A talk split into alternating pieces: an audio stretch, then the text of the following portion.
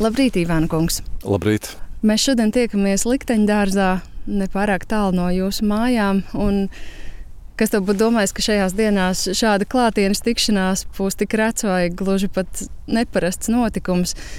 Mēs sēžam divu metru attālumā viens no otra. Mums katram rokās ir savs ieraksta aparāts, un tie ir tikai daži no tādiem noteikumiem, kas mūsu pašu veselības labad šodien ierobežo mūsu brīvību. Un tādēļ es gribēju sākt šo interviju ar jautājumu, kā jūs šajās dienās jūtaties, gaidot šo Latvijas brīvības atgūšanas 30. gada dienu tādā nu, zināmā nebrīvē tomēr. Nu jā, es uh, jau biju cerējis, ka šī būs diezgan grandioza neatkarības atgūšanas atcerēšanās, jo tas ir tomēr vissvarīgākais notikums gan to cilvēku dzīvē, kas balsoja par neatkarības atjaunošanu, gan arī visas Latvijas dzīvē, jo tajā brīdī jau deputāts bija tikai instruments tautas rokās, jo viss tauts sekoja, ko mēs darīsim, ko mēs balsosim, vai mēs nenobīsimies.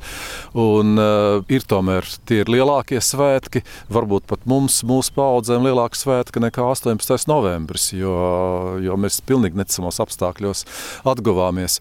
Bet uh, arī šādi varbūt ir labi, jo es esmu laimīgs tagad domājot par to, ko pirms 30 gadiem mēs izdarījām, jo man liekas, ka kaut kas. Uh, arī šajā pandēmijas laikā no tās vienotības, pašdisciplinētības un organizētības ar ko Latvija ļoti labi izceļas eh, pasaules fonā, ir saglabājies ka nu, cilvēki nav tomēr nokāruši degunus, un, un, un mēs nedzīvojam vergu zemē, mēs esam brīvi, un gal galā mēs to esam brīvprātīgi izvēlējušies un izvēlējušies savā labā. Daži jau pat saka, ka šī pandēmijas laika solidaritāte esot gluži vai tāda kā atmodas laikā, mēs atkal saliedējamies, lai kopīgi pārvarētu grūtības, vienojamies kopīgam mērķim, bet vai jūsuprāt šīs situācijas vispār ir iespējams salīdzināt? Nu, sajūta ziņā, jā, varbūt kaut kas ir, jo vairāk cilvēki man to teikšanas iedomājas, ja tā varbūt ir, ka ir tā lielā neskaidrība, kāda bija toreiz. Jo mēs jau 4. maijā, nu, faktiski jau 3. sākās šī pirmā sesija, iedam uz balsojumu. Mēs nevarējām pateikt, pat, kas īstenībā notiks nākošā dienā. Bija tikai tā ticība un pārliecība, ka mēs to varam izdarīt. Un šobrīd ir pilnīgi tas pats, ka ir jāsaņemas, ka ir jāiztur un kaut kas ir vienojošs, bet nu, tā starp starpība tomēr ir diezgan liela. Es domāju, tā starpība ir tā, ka tie apstākļi, kādos mēs dzīvojam toreiz, jo mēs dzīvojam lielā lēģerī, mēs dzīvojam tomēr vergu valstī, mēs dzīvojam sabrukušā impērijā, kuras drupas varēja mūs nospiest, un nekas gandrīz nebija atkarīgs no mums. Šobrīd tomēr mēs esam brīvi cilvēki, un uh, nu, mēs esam tie, kas izvēlas. Jā, tā neziņa par nākotni arī manās sajūtās ir tas, kas varbūt vieno šo laiku un atmodas laiku, bet tā lielā atšķirība ir tā, ka tolāk mēs skaidri zinājām, ka mēs gribam pārmaiņas, un pašlaik mēs pēc iespējas ātrāk gribam atgriezties tur, kur mēs bijām agrāk. Bet vai jūs prāt, tas, kur mēs gribam atgriezties, ir arī tas, kur mums vajadzētu atgriezties? Nu, droši vien, ka ne gluži. Es gan parasti diezgan tā ar aizdomām viens raudzies skaļajiem saukļiem par attīstību, par to, par straujām pārmaiņām mēs mainīsimies, jo pasaule vispār pēdējā gadsimtā ir mainījusies tik strauji, ka šī mainīšanās ir kļuvusi par bīstamu, un to apliecina arī e, šī vispārējā pandēmija, jo tas jau tomēr ir saistīts ar procesiem, kas notiek dabā, ar to, kā mēs sagraujam savu, savu dabu. Tāpēc es nedomāju, ka mums vajag vajadzētu mainīties ļoti tādā izpratnē, kā mēs to esam domājuši līdz šim, tikai vairāk, dārgāk, brangāk, bet ka mums vajadzētu varbūt mainīties garīgi, ko mēs esam piemirsuši. Faktiski jau toreiz, kad mēs balsojām par neatkarību, mēs arī domājām par šo garīgu attīstību. Mēs domājam, ka mēs varbūt apsteigsim citas valsts, kuras skaitījās attīstītākas, ar to, ka mēs nelīkumosim, nemeklēsim variantus, bet neatkārtosim tās kļūdas, ko ir izdarījušas uh, no attīstītās rietumu pasaules valsts. Bet nu, mēs esam visu laiku darījuši pilnīgi to pašu. Man gribētos, lai pēc šīs, nu, šī kārtējā tāda pārdzīvojumu, un droši vien tāda nebūs eh, ne mūsu tautas liktenī, ne pasaules liktenī. Viens vien tas nav pēdējais. Mēs tomēr kaut kādīgi nu, mēģināt ierobežot savu alkatību, mēģināt varbūt ierobežot uh, ekspansiju pret savu planētu, pret uh, dabu. Jo nu, šobrīd mēs tā ļoti redzam, ka ir ļoti daudz dzīves jomas, kā pārmērīgā ceļošana uz eksotiskām zemēm. Šīs eksotiskās zemes var iznīcināt ar šo ceļošanu. Mūsu pārmērīgā tieksme uzdzīvot, svinēt svētkus, pulcēties daudz kas no tā nav vajadzīgs. Un tad jau būtu labi, ka pēc nu, šīs mācības mēs daudz ko no tā liekā atmestu un saglabātu varbūt tādu pašu būtiskāko, bez kā mēs nevaram iztikt. Atgriežoties pie laika pirms 30 gadiem un vēl vairāk, Mums Latvijas rādio gaidot šo 4. maija 30. gada dienu bija tāds ierakstu cikls par mēdīju un žurnālistu lomu ceļā uz atmodu 4. māju. Kā jums, kā tā laika sabiedriskam un politiskam līderim, šķiet, kāda bija mediju ietekme uz atmodu un to, ka 4. maija bija iespējams? Nu, es teiktu, ka plašs saziņas līdzekļi bija noskaņojumi pavēlnieki. Tā arī bija mūsu armija. Tas bija karaspēks, eh, kas nepiederēja tautas frontē, bet arī paši žurnālisti bija tautfrontieši. Un, uh, toreiz mums arī cita nekā nebija, kā tikai vārds. Iedvesmojošs vārds, pārliecinošs vārds. Pretējā pusē bija ieroči, vara, spēks. Un mums vajadzēja tikai ar bārdu ar pārliecināšanu noskaņot cilvēkus. Tas tomēr lieliski izdevās. Kaut gan tie apstākļi bija diezgan paradoxāli, jo Visa presa tajā laikā piederēja komunistiskajai partijai. Tas vienkārši nozīmē to, ka žurnālisti kļuva brīvi. E, un arī tas savukārt bija liels paradoks, jo padomju sistēmā žurnālisti pamatā un tīpaši preses izdevuma vadītāji bija diezgan iztapīgi, laipotāji, ārkārtīgi uzmanīgi. Faktiski, nu, jebkurš cilvēks, kuram bija savs viedoklis, viņš tika iznīcināts vai izspiests no šīs vides ārā. Un e, tad vienā brīdī notika šis krasais pavērsiens.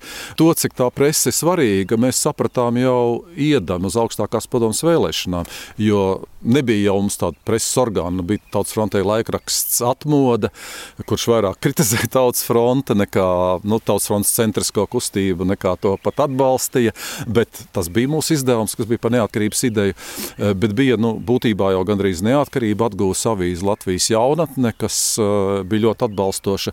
Toreiz avīzēm bija tāda ļoti liela loma, lielāka nekā šodien. Uh, la, lauku avīze, kura faktiski bija prettautas fronte un bija par tādiem piesardzīgiem variantiem, par palikšanu brīvai padomju Latvijai, brīvā padomju savienība, apmēram tā to varētu teikt. Un pirms vēlēšanām šī populāra avīze nāca klajā ar tādu nu, faktiski ļoti e, graujošu paziņojumu, apmēram, kura zemteksts bija nebalsot par tautas fronti, bet balsot par tiem, kuri tur Maskavā varēs sarunāt daudz labāk. Visas lietas, kur ir lielāki pragmatiķi un prātīgi cilvēki. Un tajā pašā laikā bija nu, tāda mūsējo žurnāla solidaritāte. Es atceros, ka vēl pirms 18. marta vēlēšanām, kad Tautas frontē bija izšķiroši iegūt šo konstitucionālo vairākumu. To gan mēs ieguvām tikai vēlāk, divās kārtās izjādām šīs vēlēšanas.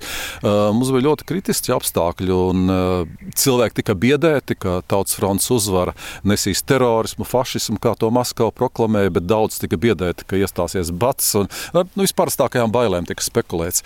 Un nemaz tik daudz preses izdevumu, kas konsekventi var izņemot Latvijas jaunatni, uz kuriem var paļauties nebija. Un, tad vēlēšana dienā, tas bija 7. Marts, pirms vēlēšanām, mēs gājām tādā lielā manifestācijā cauri apkārt vecrīgai, apstājāmies tādā mītiņā. Tagad 11. novembrī krastmalā toreiz bija komjonetes krastmalā, kur Ļeņņa ģīmīts bija aizsegts ar palagu, lai tas vismaz mums nebojāt fonu, nebojāt mūsu garstāvokli. Es piepeši saņēmu ziņu, ka Viļņas ielās izbraukšu tanki, jo Viļņa jau bija neatkarību deklarējusi 11. martā. Un es ļoti labi sapratu, ka šie tanki ir domāti nevis Viļņai tik daudz, kur vairs neko nevar labot, bet domāti mums, lai cilvēki baidās. Un tad mums bija ļoti ātra saruna ar Latvijas televīzijas panorāmu arī žurnālistiem, ka man ielaidīs vakara panorāmā. Piecas minūtes pirms panorāmas beigām, kad neviens neko vairs nevar pārrunāt, un man ir pēdējo reizi jāuzrunā tauta, lai cilvēki nebīstas. Un, un tam bija arī ārkārtīgi izšķiroša loma. Arī pēc tam, kad augstākā padome sāka darbu, viens no pirmajiem likumiem, jau pirmajā sesijā, ko tūlīt pat pieņēma, man šķiet, dažas dienas bija pagājušas kopš 4. maija, bija likums par plašas saziņas līdzekļiem. Pirmkārt, lai atņemtu monopolu komunistiskajai partijai un lai radītu plurālistisku presi. Un trešais, turpat uzstājās ar tādu pamatīgu referātu Es domāju, tāds mūsu brīvās preses pamatu licējs Jānis Škapers, ilgadīgais literatūras mākslas redaktors, kurš bija cīnīdamies ar visādiem kompartijas pretvējiem, šo avīzi tomēr izvedis līdz atmodai.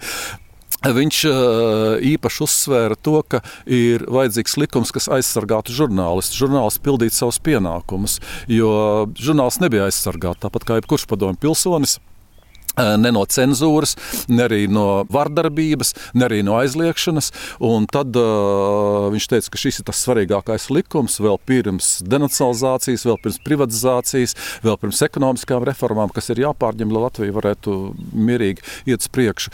Es uh, tā vienu brīdi biju piemirsis šo likumu pieņemšanas gaitu, bet tagad, tā pārlasot vecos dokumentus, es sapratu, cik tālredzīgs bijis Jānis Škapars ir un, un, un kāda tam vēlāk ir bijusi nozīme. Mēs pieņēmām lēmumu arī par savu laikrakstu dibināšanu Latvijas valsts.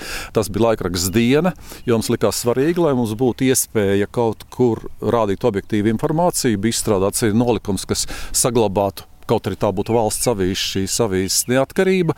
Bet tajā pašā laikā jau bija ielikts tas, ka šī avīze vienalga tiks privatizēta tajā brīdī, kad to varēs. Jo nu, tas viens brīdis jau bija tāds, kad nevarēja. Un, protams, Latvijas rādio, bez kura vispār šis uh, divu, divu ar pus gadu ilgais neatkarības atgūšanas periods nebūtu iespējams. Jo laikmetā, kad nebija kabatas tālruņa, nebija tīmekļa, tas galvenais informācijas avots, saziņas līdzeklis ar cilvēkiem bija radio. Mazie transistoru radioaparāti pie ausīm, kuri darbojās drīz vien jau diennakts režīmā. Cilvēkiem pat naktīs stāvēja uz spilveniem. Ja nebūtu Latvijas, toreiz nebija sabiedriskais radio, arī tas bija komunisti uzskatīja viņam atņemtais radio. Ja, bet, ja nebūtu šis radio, nu, to cilvēku pašaizliedzīgais darbs, tad acīm redzot, uh, uh, mēs arī neko nebūtu sasnieguši. Mēs nebūtu spējuši vajadzīgos brīžos cilvēkus mobilizēt. Jo vēl jau bija jāņem vērā viens cits apstākļus, kas varbūt šodienas cilvēkam nav pašsaprotami, ka pārņemdami varu, mēs būtībā nebijām pārņēmuši neko tautas fronte. Mēs bijām tikai deklarējuši, ka mēs esam brīvi. Joprojām pastāvēja padomju ekonomika, padomju militārisms, okupācijas armija, padomju drošības struktūras šeit un uh, komunistiskā partija kuri mums nepakļāvās. Mums ir svarīgi, ka ir kāds, kas tomēr ievēros Latvijas likumus, ko mēs pieņemsim. Mēs nevaram nevienam piespiest tos pieņemt. Un tad bija divas svarīgas lietas. Tā bija pašvaldības, ko mēs bijām ievēlējuši, kuras sāka pildīt nevis PSRS likumus, ko pieprasīja Kremlis, Maskava, komunistiskā partija, bet sāka pildīt Latvijas likumus. Un otrs tie bija žurnālisti, kuri uzskatīja, ka šī ir Latvijas valsts, ka nu, viņi radīja šo uh, Latvijas garīgās valsts radīšanas ilūziju, to priekšstatu, sapratni, ka šī valsts jau eksistē mūsos pašos. Eh, es arī atceros šajā, šajā žurnālistiskā kontekstā šo pašu 4. maiju, kad mēs nobalsojam par neatkarības deklarāciju. Es aizēju mājās un uh, Es esmu bijis notikuma dalībnieks. Mēs esam nolikuši ziedus pie brīvības pieminiekļa. Ir bijis mītiņš, kurš mums jāatstāj ļoti ātri Daugaus krastmalā, jo padomju armija nolēmusi rīkot okupācijas armijas parādi un trenēties 9. maijam par godu. Un tagad mājās skatos televīzijas panorāmu un redzu mūsu sejas, mēs izējām no zāles. Un es domāju, nu, ko mēs esam izdarījuši? Esam tikai kaut ko pasludinājuši, jo nekas jau mainījies nav. Visas Savienības rūpnīcas tepat, un tajā pašā laikā visapkārt ir absolūti laimīgas, tā televīzijas panorāmā redzams cilvēku sejas, kas nav bijušas tik laimīgas ne pirms, ne pēc tam un tik smaidīgas. Un tad tu saproti, ka ir mainījies kaut kas iekšā, cilvēkā iekšēji. Un to ir mainījis vārds, to ir domājis, mainījis tas gars, ko izplatīja mūsu toreiz plašs saziņas līdzekļi, eh, žurnālisti. Un Tajās tas sejās bija neatkarība. Jā, ka, ka tas ir tik spēcīgs, ka to vairs neviens ienaidnieks nevar pieveikt, jo to nevar nošaut, vienkārši nevar nošaut, un nevar apspiest, un nevar panākt, lai mēs atgrieztos turpat, kur mēs esam jau bijuši. Vai jūs šodien lasāt ziņas, sekojat notikumiem politikā, interesējaties par to? Nē, nu, protams, kā katrs pilsonis, es sekoju, un, un es arī uzskatu par savu pienākumu, ka Es nevaru tā nievājoši attiekties pret uh, Latvijas plašsaziņas līdzekļiem, Latvijas ziņām, jo man tās ir tomēr svarīgākās. Mēs šeit dzīvojam un apstākļus šeit mēs varam ietekmēt. Jā. Es neuzskatu, ka man tas jāstāsta tikai starptautiskās ziņas, jāklausās starptautiski raidījumi.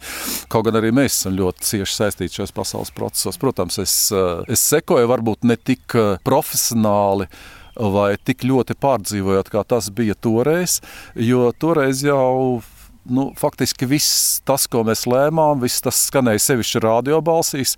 Un eh, pēc tādiem vairākām krīzēm, ko mēs pārdzīvojām, arī pēc augusta puķa, es atceros to, kas ilgu laiku vēl neatkarīgi Latvijā, es nevarēju klausīties Latvijas eh, ziņu pieteikumu galviņu mūziku. Jo man pārņēma drebuļi tajā brīdī, es domāju, tūlīt kaut kas notiks pēc, pēc, pēc barikādēm. Es atceros, ka pat zvanīju kādam no toreizēm Latvijas rādio vadītājiem, teica, vai jūs nevarat nomainīt šo mūziku, lai vairs tā neatgādina tos traģiskos, traģiskos laikus. Tagad es to klausos daudz mierīgāk, jo viss tā kā norit, viss tomēr ir kārtībā. Mēs, mēs uh, esam saimnieki par savu laiku, par savu telpu, par savu valsti. Un, uh, jācer, ka nekad nekas tāds, ka mums tik uh, satraukti uh, būs jāsauk kopā ar savu rādio, ar savu televīziju, ar savu presi, ka tas nepienāks. Jūs uh, esat teicis, ka tolaik izvēloties tautas fronts kandidātus augstākās padomas vēlēšanām, te vai galvenais kritērijs bija potenciālo deputātu drosme viņu, proti vai viņi nenobīsies un nobalsos par Latvijas neatkarību. Vērojot šodienas politiku, kā jums šķiet, kā mūsdienu Latvijas politiķiem ir ar to drosmi? Nu, drosmes trūkst un trūkst patstāvības. Un, uh, trūkst arī varbūt kaut kādas gudrības. Bet nu, es jau tā domāju, ka nu, jāiziet tam posmam cauri, jo man kādreiz bija tāds bravūrīga pārliecība, kad man jautāja par Latvijas neatkarības sasniegšanu, es teicu, to mēs sasniegsim ātri, bet pēc tam būs grūtāk. Kaut gan īstenībā eh, man toreiz likās tā, nu, tā neatkarība būs grūtāka, pēc tam būs labi, bet nu, izrādījās tas bija pravietiski, ja, ka, ka toreiz visi kopā, eh, mēs it kā atradāmies nākotnē. Es jau to vienmēr cenšos uzsvērt, ka tas laiks, kas bija pirms 30 gadiem, tā īstenībā bija nākotne. Tā bija mūsu nākotne nākotnes, kur tagad mums te ar visiem saviem kašķiem, mēģinājumiem izglītoties, ar mēģinājumiem sevi savaldīt, ar mēģinājumu noslēpēt savu alkatīgus, ko mums tomēr jāiet tagad, lēnām un, un, un pakāpeniski. Jā, nu mani varbūt uztrauc tas, ka cilvēki, kas tiecas uz politiku, grib profesionāli to darīt, ir diezgan bezatbildīgi, ka viņi varbūt neapzinās savas spējas, savu izglītības līmeni. Mums jau toreiz bija arī ārkārtīgi nopietna deputāta kandidāta atlase. Zinu, ka mēs tautas frontē sēdējām, skaitījām, nu, mums vajadzīgi vienā jomā konsultanti. Mēs saskatām 20 cilvēkus visu Latviju. Viņi visi tiek sameklēti. Mēs visi kopā sēžam, strādājam. Nu, arī, nu, droši vien, ka normālos apstākļos parlaments nevar būt tik augsti intelektuāli attīstīts, kāds bija toreiz. Jo profesori pameta savus ikdienas darbus dažādās jomās, gan medicīnā, gan, gan jurisprudencē, gan zinātnē, un nāca uz augstāko padomu dzēnieku, pameta savu darbu, kā Imants Ziedonis un rakstnieka Kalberts Bels savu. Žurnālisti, mums bija apmēram 20 žurnālistiem, eh, bija doktori, profesori. Tas bija ārkārtīgi spožs sastāvs. Un, un, protams, arī vēlēšanas bija citas. Tās bija liktenīgas vēlēšanas, kad uh, mums vajadzēja ievēlēt šo pārējais parlamentu. Piemēram, Tālaus Junzes, akadēmiķis Tālaus Junzes atceras, viņš toreiz bija vienkārši jurists, ka viņam vajadzēja izturēt konkurenci starp kādiem 11 kandidātiem, kur sēdēja blakus. Tā bija mažotārā sistēma, arī tas ir ļoti grūti. Mēs meklējām tos kur nenobīsies, drosmīgos. Otrām kārtām mums vajadzēja panākt, lai šos drosmīgos ievēl cilvēki, lai viņš izstāsta labāks, gudrāks, pārliecinošāks nekā visi pārējie kandidāti. Un vēl viena eh, īpašība, ko mēs eh, Tautas fronts sešniekā pārnājām pirms vēlēšanām, mēs mēģinājām atrast eh, deputātus, kuri spējīgi uzrakstīt arī likumu bez visas drosmes, jo mums jau nebija palīgu, mums nebija biroju, un augstākā padome strādāja bieži vien piecu dienu režīmā, strādāja pat pa naktīm. Mēnesī pieņēma vidēji šajos pāris neatkarības atgūšanas gados ap 29 likumiem un lēmumiem. Un es eh, pat uz savas.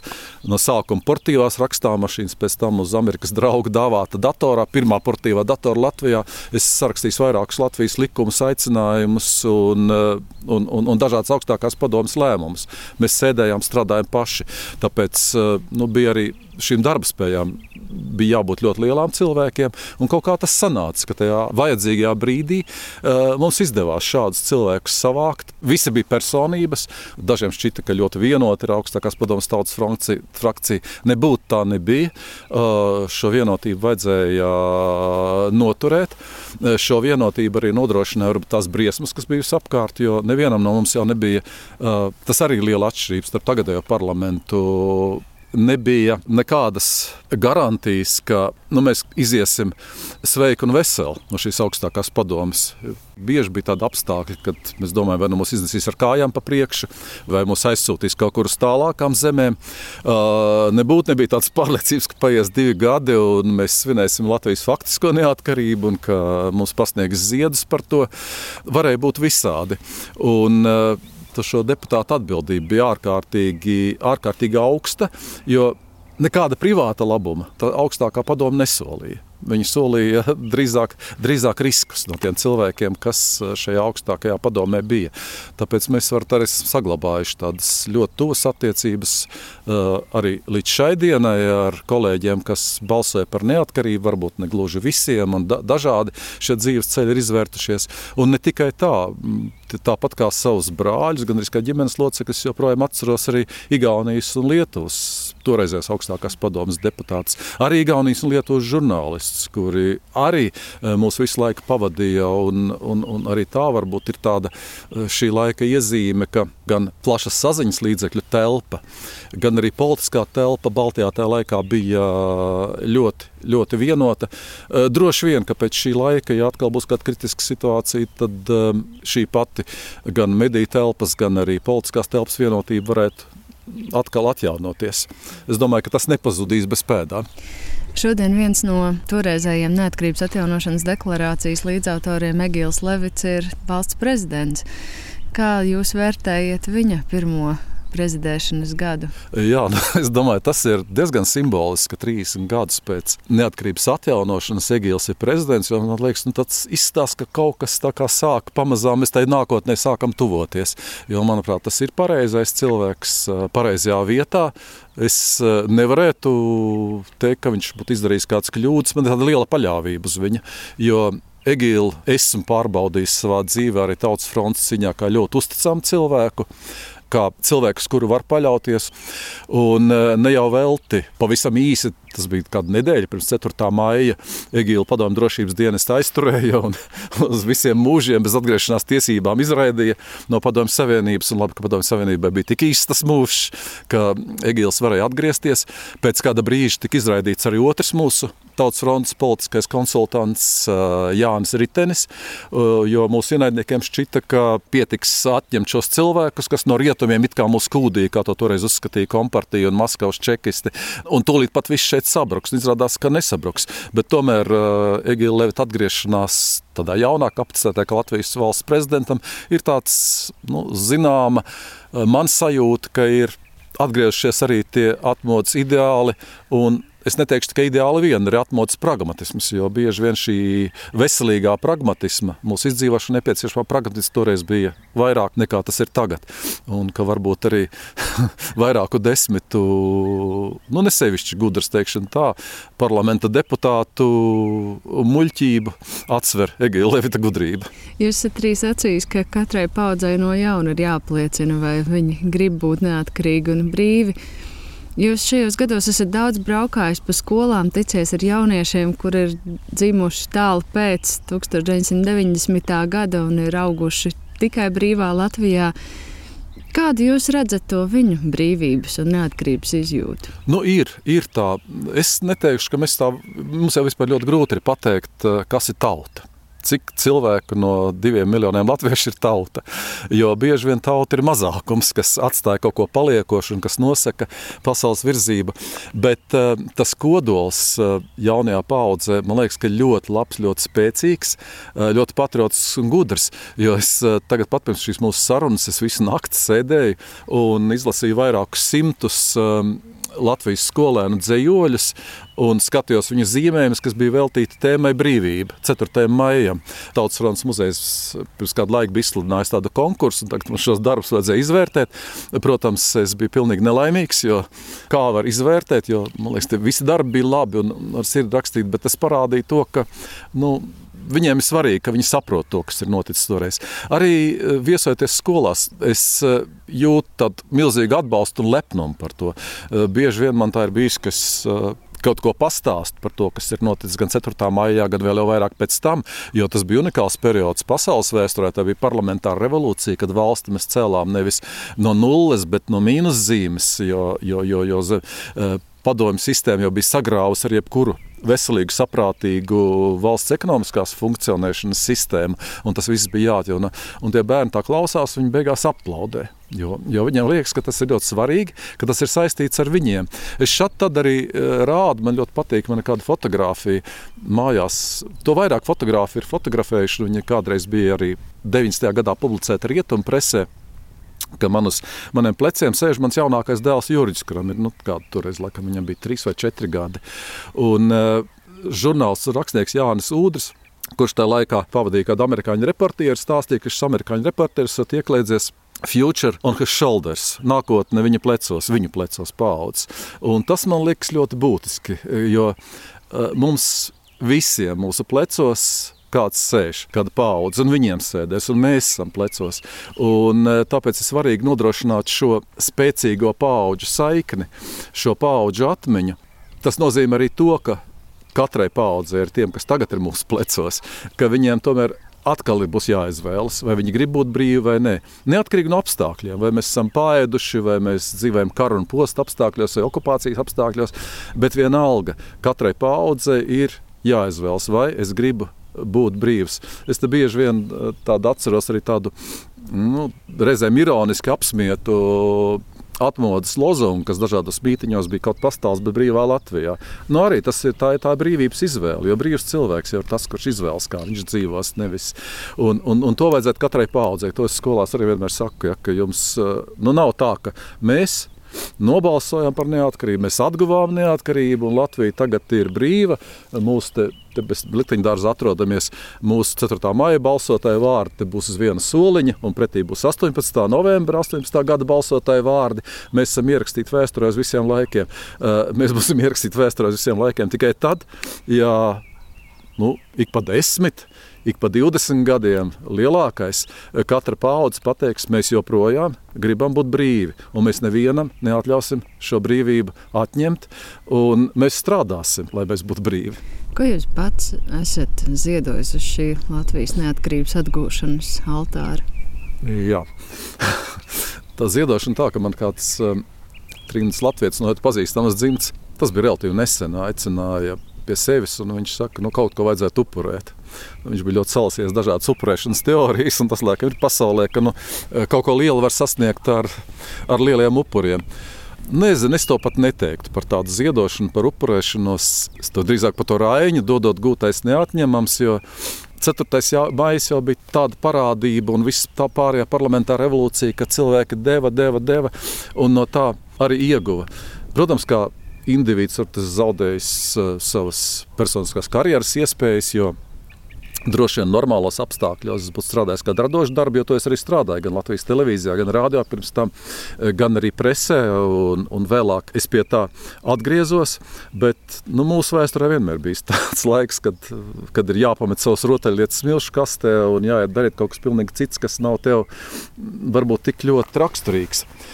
Varbūt, ka es saviem bērniem kaut ko esmu atņēmis, jo nu, gal galā man visus šos gadus bija tie četri mazie bērni, kuri mani tikpat kā neredzēja. Bet arī bērni man neko nepārmet, jo viņi teica, ka viņi neizjūt nemaz to, kas viņiem būtu kaut ko atņēmis un laupījis. Citādi, jā, nu ir, ir daudz, kas varbūt tās tādas personiskas lietas, kas varbūt dzīvē būtu bijušas savādākas, ja nebūtu šīs atmodas, ja nebūtu šo eh, gadu, ko es tam esmu atdevis. Nu, bet šai pašā laikā ir tāda absolūta gandarījuma sajūta Es pat nedomāju par to, ka es ziedoju. Ir gandarījums sajūta, ka maniem bērniem un mazbērniem nav jādzīvo tur, kur dzīvojies. Jo mums jau bija atņemts viss, ko vien varēja atņemt. Un, un mums bija izskalotas smadzenes. Un, un, un, un, un, un jau tad, kad sākās šī Daugaus aizstāvības kampaņa, mēs starp citu arī šī likteņa sala, kur mēs atrodamies, ir arī simbols represētajai Daugavai, kur tika iz, iznīcināta uz padomu komunismu celtniecības altāra. Un tad, kad vajadzēja eh, grasījās Maskava iznīcināt vēl šo pēdējo posmu, es domāju, vienkārši, absolūti vienkārši. Man viss teica, nebāz galvu, tev tas slikti beigsies un neko nepanāksi. Bet es domāju, nu, gal galā, kā es skatīšos bērniem acīs, ja, ja es vismaz nebūšu mēģinājis kaut ko darīt. Un, uh, man par visu to, kas ir pagājis, ir lielākais gandrījums, kas tomēr saviem bērniem varu nu, pilnīgi droši skatīties acīs un teikt, kas darīja, ko varēja. Varbūt mēs neizdarījām visu pilnīgi, un nekādu leipatriju mēs neradījām, un nekādu uh, saules zemi utopiju arī mēs šeit neradījām. Bet mēs radījām normālu iespēju valsti, mēs radījām brīvu, brīvu valsti, un tas ir arī galvenais. Paldies jums par sarunu, Ivāna Kungs, un priecīgu Latvijas neatkarības atgūšanas gadu. Paldies tāpat visiem prieku, sauli un uh, nekad neaizmirst 4. māju.